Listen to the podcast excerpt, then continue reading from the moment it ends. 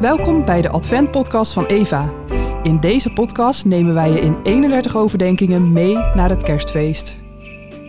Aflevering 4.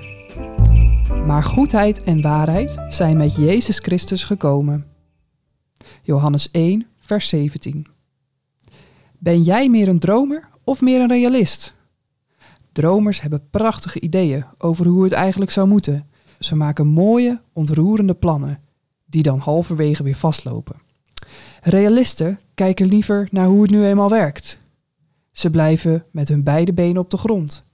Maar ja, zo verandert er ook niet veel. Jezus was allebei. Een droom die op aarde kwam. Gods glorie komt wonen in ons land, staat er in Psalm 85. Wat hoog in de wolken leek, daalde nu omlaag. Goedheid leek eerst onrealistisch ver weg. En waarheid was wel dichtbij, maar niet goed. Maar nu smolten ze samen. Goedheid en waarheid omhelzen elkaar. Recht en vrede begroeten elkaar met een kus. Uit de aarde bloeit waarheid op. Het recht ziet uit de hemel toe.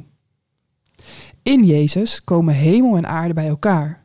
God en mens, droom en realiteit. Wil je blijven genieten van podcasts zoals deze? Ga dan naar eva.eo.nl/abonnee en steun ons.